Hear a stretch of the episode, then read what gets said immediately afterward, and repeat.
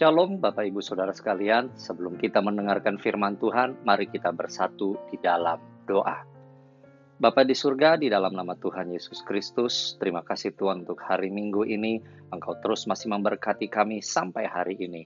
Dan sekarang Tuhan saat kami sedang beribadah, biarlah kembali Engkau memberkati kami dengan kebenaran firman-Mu. Urapi hambamu, urapi kami semua yang siap beribadah untuk mendengarkan kebenaran firman-Mu, hanya di dalam nama Yesus Kristus. Haleluya. Amin. Amin. Shalom Bapak Ibu Saudara sekalian, di mana pun Anda berada, saya percaya Anda semua dalam keadaan baik, tetap dengan penuh sukacita oleh karena roh kudus memenuhi kehidupan Bapak Ibu Saudara sekalian. Amin. Nah hari ini Bapak Ibu Saudara sekalian, saya akan mengambil firman Tuhan yang diambil dari Matius 19 ayat 16 sampai 26 dan kalau Anda suka dengan tema khotbah, maka tema khotbah saya pada hari ini judulnya adalah memiliki hidup. Saya percaya Anda semua jemaat Tuhan di Rayon 13 di mana pun Anda berada, Anda semua akan diperkuat, Anda semua akan penuh dengan sukacita bertambah di dalam pertumbuhan rohani melalui firman Tuhan yang akan kita bahas pada hari ini. Mari kita buka Alkitab kita, yaitu Injil Matius pasalnya yang ke-19 ayat 16 sampai ke 26. Kita buka Injil Matius dari pasal yang ke-19 ayat yang ke-16 sampai yang ke-26. Demikian firman Tuhan. Ada seorang datang kepada Yesus dan berkata, Guru, perbuatan baik apakah yang harus kuperbuat untuk memperoleh hidup yang kekal? Jawab Yesus, Apakah sebabnya engkau bertanya kepadaku tentang apa yang baik? hanya satu yang baik. Tetapi jikalau engkau ingin masuk ke dalam hidup, turutilah segala perintah Allah. Kata orang itu kepadanya, perintah yang mana? Kata Yesus, jangan membunuh, jangan berzina, jangan mencuri, jangan mengucapkan saksi dusta, hormatilah ayah dan ayahmu dan ibumu, dan kasihilah sesamamu manusia seperti dirimu sendiri. Kata orang muda itu kepadanya, semuanya itu telah kuturuti, apalagi yang masih kurang. Kata Yesus kepadanya, "Jikalau engkau hendak sempurna, pergilah, jualah segala milikmu dan berikanlah itu kepada orang-orang miskin, maka engkau akan beroleh harta di sorga, kemudian datanglah kemari dan ikutlah aku."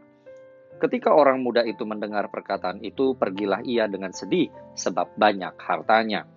Yesus berkata kepada murid-muridnya, "Aku berkata kepadamu, sesungguhnya sukar sekali bagi orang kaya untuk masuk ke dalam kerajaan sorga." Sekali lagi aku berkata kepadamu, lebih mudah seekor unta masuk melalui lubang jarum daripada seorang kaya masuk ke dalam kerajaan Allah. Ketika murid-murid mendengar itu, sangat gemparlah mereka dan berkata, "Jika demikian, siapakah yang dapat diselamatkan?" Ayat 26, Yesus memandang mereka dan berkata, "Bagi manusia hal ini tidak mungkin, tetapi bagi Allah segala sesuatu mungkin."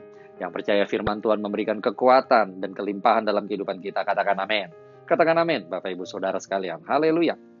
Nah, Bapak Ibu Saudara sekalian, ayat yang baru saja kita baca ini adalah suatu ayat yang cukup terkenal, suatu interaksi antara Tuhan Yesus Allah yang kita sembah dengan seorang anak muda yang tertulis tadi di dalam Matius 19 ayat 22, tapi Injil Lukas di ayatnya yang di pasal 18 ayat 18 mengatakan bukan saja ini adalah anak muda, tetapi juga seorang pemimpin. Jadi pemimpin tetapi yang cukup muda. Dan ada sesuatu pesan yang luar biasa yang Tuhan Yesus sampaikan di dalam percakapan antara dia dengan anak muda ini dan kemudian nanti akan disampaikan juga kepada murid-muridnya sendiri. Satu pesan yang Tuhan Yesus sampaikan adalah bagaimana memiliki hidup. Bapak Ibu Saudara sekalian, mengenai memiliki hidup dalam sudut pandang Alkitab itu sebenarnya ada dua Bapak Ibu Saudara. Memiliki hidup artinya berbicara bagaimana memiliki hidup kekal, yaitu nanti di dalam kekekalan untuk selama-lamanya bersama dengan Kristus. Tetapi Alkitab juga memandang memiliki hidup artinya bagaimana kita bisa memiliki kehidupan di atas muka bumi ini. Muka bumi ini kita tahu itu tidak kekal, ini adalah yang fana.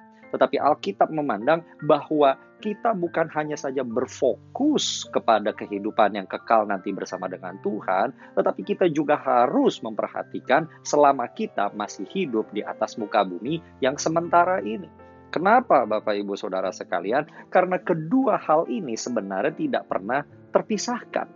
Kalau kita hanya berfokus mengenai kehidupan yang kekal nanti, kita tidak akan melakukan apa-apa selama kita masih di dalam masa transit ini, ketika kita masih ada di dalam masa yang tidak kekal ini. Tetapi kalau kita hanya berfokus kepada masa yang tidak kekal ini yang, yang hanya ada di muka bumi ini, maka kita tidak akan memikirkan kehidupan kita nanti setelah kehidupan kita berakhir di atas muka bumi ini. Nah, banyak sekali saya perhatikan orang-orang Kristen berpikir ketika dikatakan memiliki hidup itu hanya berbicara mengenai keselamatan nanti yang sempurna bersama Tuhan Yesus. No, no, no. Tetapi itu juga berbicara bagaimana we have a life. How do we gain life while we are on this earth? Bagaimana kita memiliki hidup selama kita masih ada di atas muka bumi ini, ya. Karena banyak orang yang ternyata sekalipun hidup di atas muka bumi tidak benar-benar bisa memiliki atau menikmati hidup yang luar biasa yang Allah berikan sekalipun hari-hari ini kehidupan kita di atas muka bumi ini tidak sempurna. Tetapi janji Tuhan adalah bahwa kita akan memiliki kehidupan kekal bersama dengan Dia, tapi kita juga memiliki kehidupan yang layak, kehidupan yang baik selama di atas muka bumi ini. Yang setuju katakan amin. Nah, Bapak Ibu Saudara sekalian, pada hari Minggu ini kita akan belajar dua poin yang penting. Dua poin yang penting dari Matius 19 ayat 16 sampai 26. Saya harapkan Bapak Ibu Saudara tetap buka Alkitabnya di mana pun engkau berada. Kita hari ini mendengarkan firman Tuhan, tapi kita juga belajar. Kita hari ini sedikit pengajaran Bapak Ibu Saudara supaya sendi-sendi iman kita, pertumbuhan rohani kita ini menjadi bagus Bapak Ibu Saudara. Ya, Poin yang pertama, poin yang pertama, Melalui pasal yang kita baca ini, Yesus kembali lagi menegaskan bahwa supaya kita bisa memiliki hidup yang kekal hanya dapat melalui Kristus. Sekali lagi, poin yang pertama, untuk memiliki kehidupan yang kekal itu hanya bisa kita dapatkan melalui Tuhan Yesus. Haleluya. Mari kita perhatikan tadi di dalam uh, Matius 19 ayat yang 16 Orang muda ini datang lalu berkata begini, perhatikan kata-katanya ayat 16 ya. Guru, perbuatan baik apakah yang harus kuperbuat untuk memperoleh hidup yang kekal? Pertanyaan anak muda ini sah saja. Dia bertanya, bagaimana caranya supaya memiliki hidup yang kekal? Tetapi yang menjadi salah dari pertanyaan itu adalah perhatikan ditanya perbuatan baik apakah yang harus kuperbuat untuk memperoleh hidup yang kekal anak muda ini dan mungkin banyak dari kita berpikir bahwa perbuatan baiklah yang akan membawa kita bisa hidup bersama dengan Tuhan selama-lamanya. Banyak orang berpikir saya harus berbuat baik untuk saya bisa menikmati sorga yang mulia. Tetapi Bapak Ibu Saudara sekalian, hari ini ayo kita mau jalan di dalam kebenaran firman Tuhan sebagaimana yang Tuhan sendiri ajarkan dan para rasul-rasul juga ajarkan kepada kita. Bahwa kita menerima kehidupan yang kekal, bahwa kita bisa masuk sorga bukan karena perbuatan baik kita, bukan karena usaha kita, tetapi semata-mata karena anugerah semata-mata karena kasih karunia yang Allah berikan di dalam Tuhan Yesus Kristus yang kita terima dengan iman. Yang setuju katakan amin. Katakan amin Bapak Ibu Saudara. Itulah makanya kalau kita perhatikan ketika anak muda ini bertanya di ayat 16, di ayat 17 jawab Yesus adalah apakah sebabnya engkau bertanya kepadaku tentang apa yang baik? Ya kan hanya satu yang baik, hanya satu yang baik. Jadi begini Bapak Ibu Saudara, bukan berarti kita tidak perlu melakukan perbuatan baik. Oh tentu kita sebagai orang anak-anak Tuhan selama kita atas muka bumi kita harus melakukan perbuatan baik kita harus meneladani apa yang Yesus lakukan. Tapi perbuatan baik itu sendiri bukanlah syarat pertama untuk kita memperoleh kehidupan yang kekal bersama dengan Tuhan. Tidak. Itu yang Tuhan Yesus katakan, kenapa engkau bertanya apa yang baik? Hanya satu yang baik. Semua perbuatan baik manusia di atas muka bumi ini tidak ada yang sempurna. Sebaik-baiknya kita tetap tidak sempurna. Tapi hanya ada yang satu sempurna dan sosok itu tidak lain adalah Tuhan Yesus Kristus sendiri. Jadi kalau pertanyaannya adalah bagaimana untuk memiliki kehidupan yang kekal, Bapak Ibu Saudara, bukan perbuatan baik yang menjadi langkah pertama, tetapi menerima Tuhan Yesus Kristus sebagai Tuhan dan Juru Selamat pribadi di dalam kehidupan kita. Yang mengerti katakan amin. Perhatikan kata satu ya yang merujuk kepada pribadi Kristus itu sendiri. yang merujuk kepada Yesus Kristus itu sendiri, Bapak Ibu Saudara sekalian. Nah, kita lihat di sini ternyata ya, Bapak Ibu Saudara sekalian, Alkitab sendiri jelas Alkitab sendiri jelas merujuk berkali-kali dan berkali-kali bahwa hanya melalui Yesus sajalah keselamatan kehidupan yang kekal itu bisa kita miliki, Bapak Ibu Saudara, ya. For example, kita semua tahu mengenai Yohanes 3 ayat 16, karena begitu kasih begitu besar kasih Allah akan dunia ini sehingga ia mengaruniakan anaknya yang tunggal kepada kita yaitu Tuhan Yesus Kristus supaya percaya kepada Yesus tidak binasa melainkan beroleh hidup yang kekal.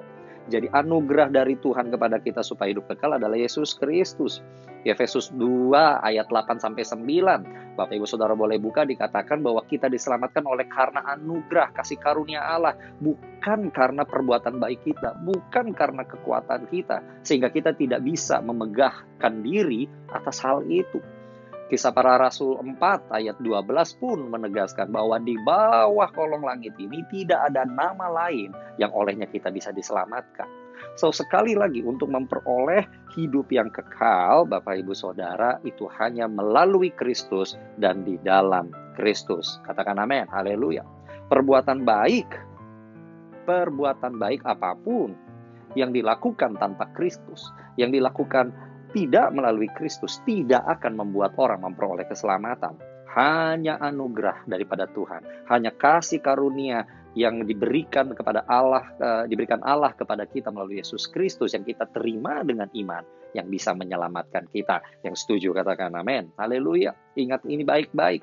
Tapi Yesus kemudian melanjutkan bahwa uh, tidak cukup hanya berhenti mengejar keselamatan Makanya di ayat 17 perhatikan, tetapi jikalau engkau ingin masuk ke dalam hidup, if you want to have life, bagaimana supaya kehidupan di atas muka bumi ini baik, bagaimana supaya kita tetap bisa menjalankan kehidupan yang bagus, selam, uh, sementara kita masih menantikan keselamatan yang sempurna daripada Tuhan itu, yaitu hidup kekal itu terjadi, maka apa kata Tuhan Yesus di sana? Dikatakan, turutilah segala perintah Allah. Ayat 17, turutilah segala perintah Allah. Dan itu saya masuk ke dalam poin yang kedua. Tuhan Yesus sendiri mengajarkan supaya kita bisa memiliki hidup di atas muka bumi ini, di dunia ini adalah dengan menuruti segala perintah Allah. Bapak Ibu Saudara sekalian, tadi ayat yang kita baca ini sangat menarik. Kenapa? Karena di penjelasan Yesus selanjutnya mengenai menuruti segala perintah Allah, Tuhan Yesus menggunakan sesuatu yang orang Yahudi sangat familiar dan saya percaya juga orang Kristen sangat familiar. Ketika ditanya sama orang muda itu perintah yang mana yang harus lakukan, Tuhan Yesus mengutip uh, beberapa hukum moral yang umumnya bisa kita kenal dengan istilah 10 perintah Allah. Dan 10 perintah Allah Bapak Ibu Saudara terbagi atas dua bagian. Yang pertama ada perintah yang harus kita lakukan uh, kepada Tuhan dan ada perintah yang kedua juga sebenarnya kepada Tuhan, tetapi diekspresikan kepada sesama kita. Yang kepada Tuhan, contohnya uh, uh, jangan membuat Allah lain di hadapan Tuhan, menghormati hari Sabat dan seterusnya. Bagaimana dengan yang bagian kepada sesama kita, hormati ayah dan ibu, ya, dan semua yang Tuhan Yesus katakan di dalam ayat 18, 19 dan uh, seterusnya. Ya, dikatakan di sana jangan membunuh, jangan berzina ayat 18, jangan mencuri, jangan mengucap saksi dusta, hormati ayah ibumu dan kasihilah sesama manusia seperti dirimu sendiri. Jadi Tuhan uh, dengan jelas di sini berkata bahwa kalau kita mau memiliki hidup di atas muka bumi ini, ayo kasihi sesama. Lakukan yang baik kepada sesama. Tetapi sebelum kita lakukan yang kepada sesama ini, maka yang kepada Tuhan harus selesai lebih dahulu. Itulah keselamatan itu. Kalau tidak, yang kepada sesamanya ini menjadi uh, tidak lengkap. Uh, menjadi sesuatu yang semua orang bisa lakukan, tetapi tidak memiliki makna keselamatan, Bapak Ibu Saudara. Ya, Nah, kenapa Tuhan katakan demikian? Karena orang yang mengaku telah memiliki keselamatan kepada Tuhan, yang telah melakukan bagiannya kepada Tuhan, tapi kemudian tidak melakukan bagiannya kepada sesama, lalu dia bilang, oh saya sudah selamat, tapi saya nggak peduli sesama. Tuhan katakan, Alkitab katakan itu adalah sesuatu yang sia-sia. Iman tanpa perbuatan adalah sia-sia, mati nggak ada gunanya. Orang tidak bisa mengklaim saya percaya Tuhan Yesus tetapi tidak mengasihi sesamanya. Dia tidak bisa mengatakan, oh saya mengasihi Tuhan Yesus tapi membunuh, mencuri, berzina, tidak menghormati ayah, ibu, tidak mengasihi sesama. Itu pasti bohong. Jadi Bapak Ibu Saudara sekalian, Alkitab jelas katakan iman penting, tetapi bukti dari iman itu pun sama pentingnya, yaitu apa? Perbuatannya. Ya. Seorang hamba Tuhan pernah berkata begini, You have faith, that's good. Then show me your works, then I will show you what kind of faith you have. Engkau berkata engkau punya iman, itu bagus. Tunjukkan kepadaku perbuatan-perbuatanmu, maka aku bisa tahu bagaimana kualitas imanmu. Wow, itu sesuatu yang luar biasa. Dan Tuhan juga sedang katakan sama anak muda ini, ayo, kalau kamu sudah lakukan bagian yang pertama ini, good. Tapi bagian yang kedua yang kepada sesama harus dilakukan. Supaya kita bisa memiliki hidup yang baik, kita memiliki hidup di atas muka bumi ini. Nah, Tuhan Yesus tanya sama anak muda ini kan. Dia bilang, yang lakukan ini, lakukan ini, lakukan itu. Ketika dilakukan itu, maka kita perhatikan sekarang.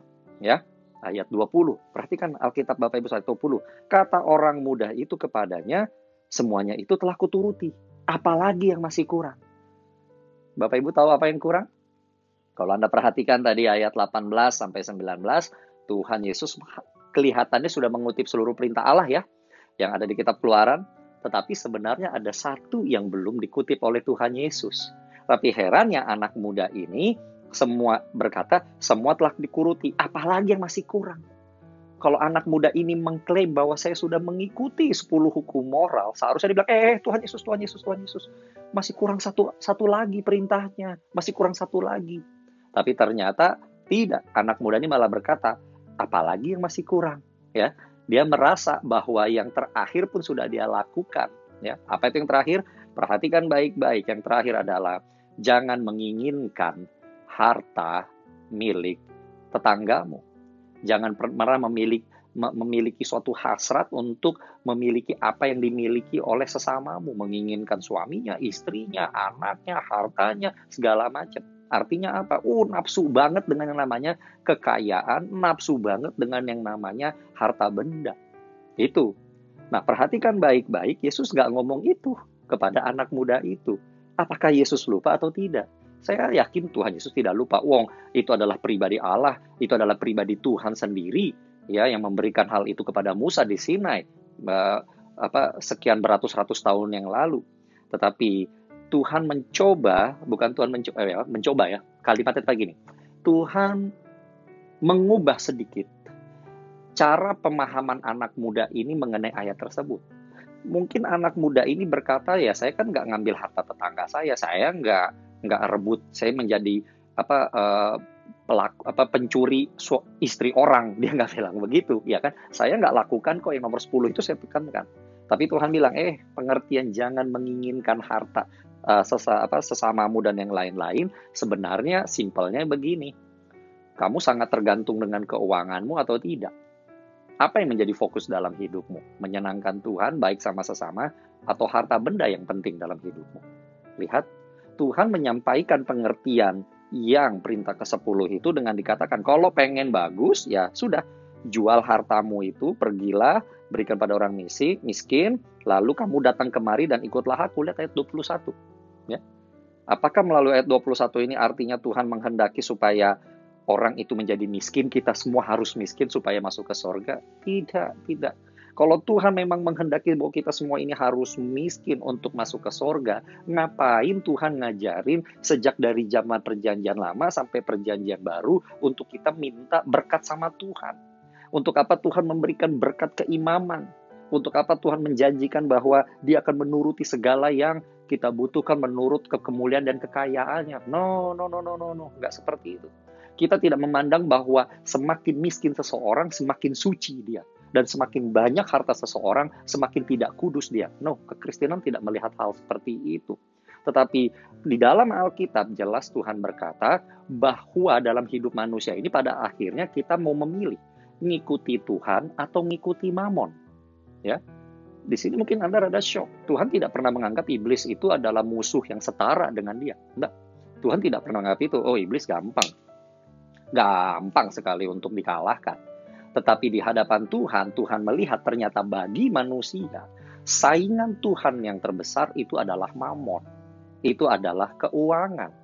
Manusia bisa dengan sangat mudah melupakan Tuhan demi mengejar uang. Berapa banyak yang orang berkata, udah kalau gereja gereja deh, tapi kalau di dunia bisnis, di dunia kerja jangan bawa-bawa Tuhan. Wow, kalau di sini homo homoni lupus, manusia jadi serigala bagi sesamanya. Uru, jangan bawa-bawa yang namanya suci dan kudus. Jangan deh, itu nama orang aja. Ibu suci dan Pak kudus, namanya begitu. Tapi kalau sudah dunia kerja, bisnis, uh, jangan. Hajar, hajar. Lihat, ternyata Alkitab sudah berkali-kali mengingatkan bahwa musuh dari Tuhan, musuh dari kehidupan rohani kita adalah kepada siapa kita ini hari-hari ini terikat. Apakah kita terikat kepada Tuhan atau kepada mamon? Nah, di sinilah makanya Yesus pengen ngecek kepada anak muda yang pemimpin ini, dia terikat pada hartanya atau dia sungguh-sungguh pengen melekatkan dirinya kepada Tuhan. Makanya disuruh bilang, jual, lalu bisa ikut aku. Tapi anak muda ini bukannya nego gitu ya, bukan apa-apa. Begitu mendengar langsung pergi di ayat 22. Sebab banyaklah hartanya. Ternyata kenapa dia tidak mau lepas dari hartanya itu, Bapak Ibu Saudara sekalian. Lihat, jadi pertanyaannya sekarang, kalau kita mau hidup di atas muka bumi ini, satu, tentu kita harus memiliki uh, ya pertama keselamatan dulu, yang kedua memiliki hubungan yang baik kepada uh, sesama kita.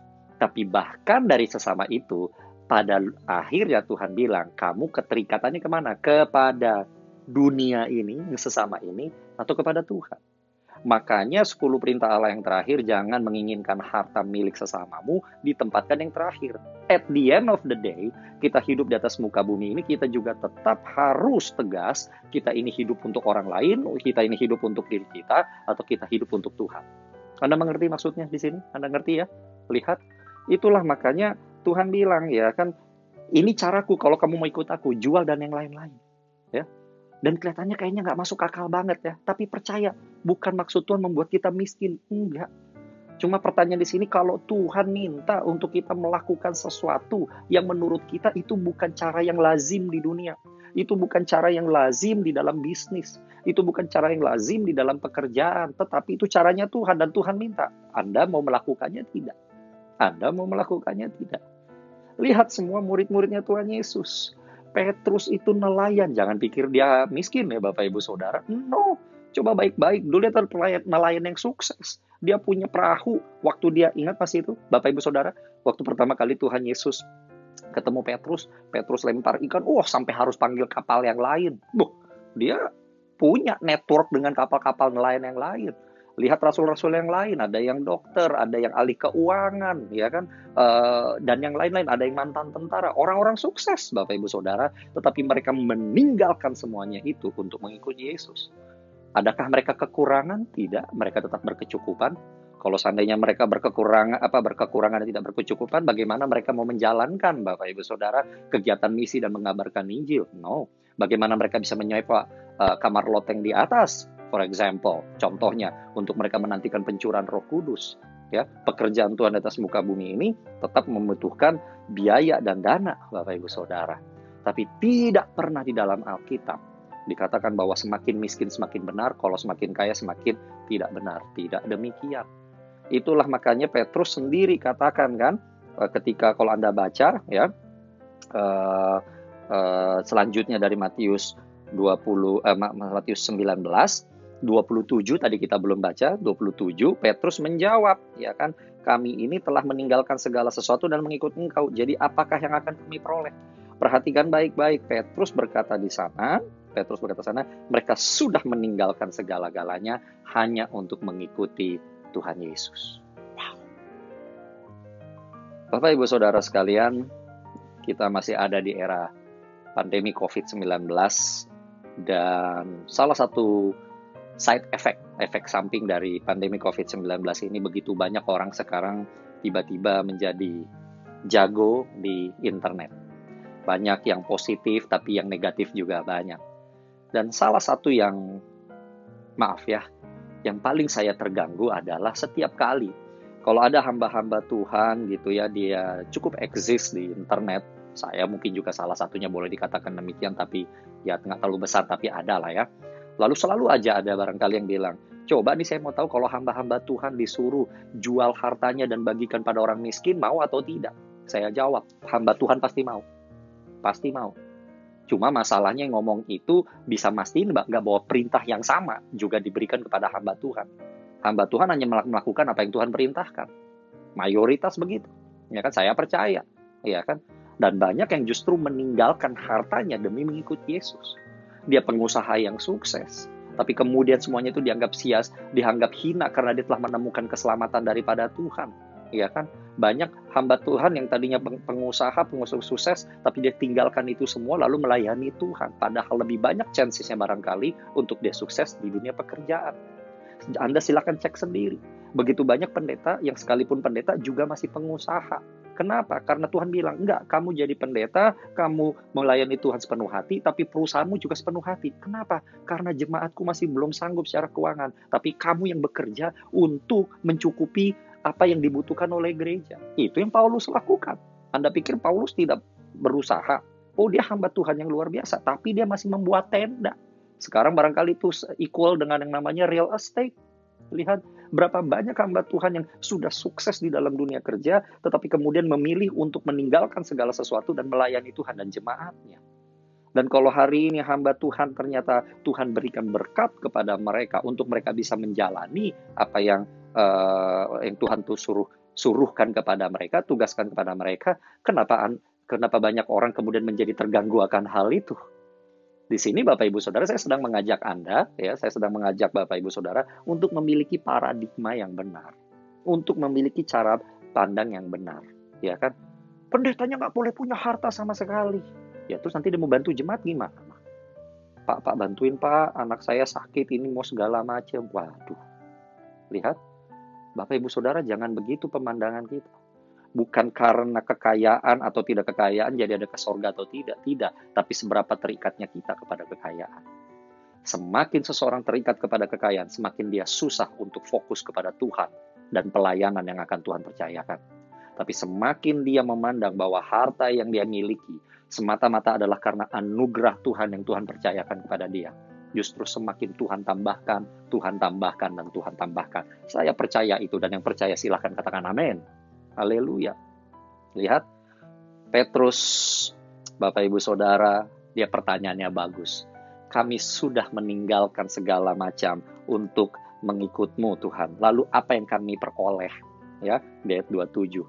Saya, perta saya percaya juga bahwa itu juga yang uh, jawaban Tuhan Yesus. Itu juga akan menjadi jawaban bagi kita semua. Perhatikan ayat 28. Wow, luar biasa. Ya, dikatakan Yesus berkata kepada mereka, ya sesungguhnya Aku berkata kepadamu, sesungguhnya pada waktu penciptaan kembali langit dan bumi yang baru, ya, apabila anak manusia bersemayam di tahta kemuliaannya, kamu yang telah mengikut aku akan duduk juga di atas 12 tahta untuk menghakimi kedua belas suku Israel. Wow, wow, wow. Ya, artinya apa?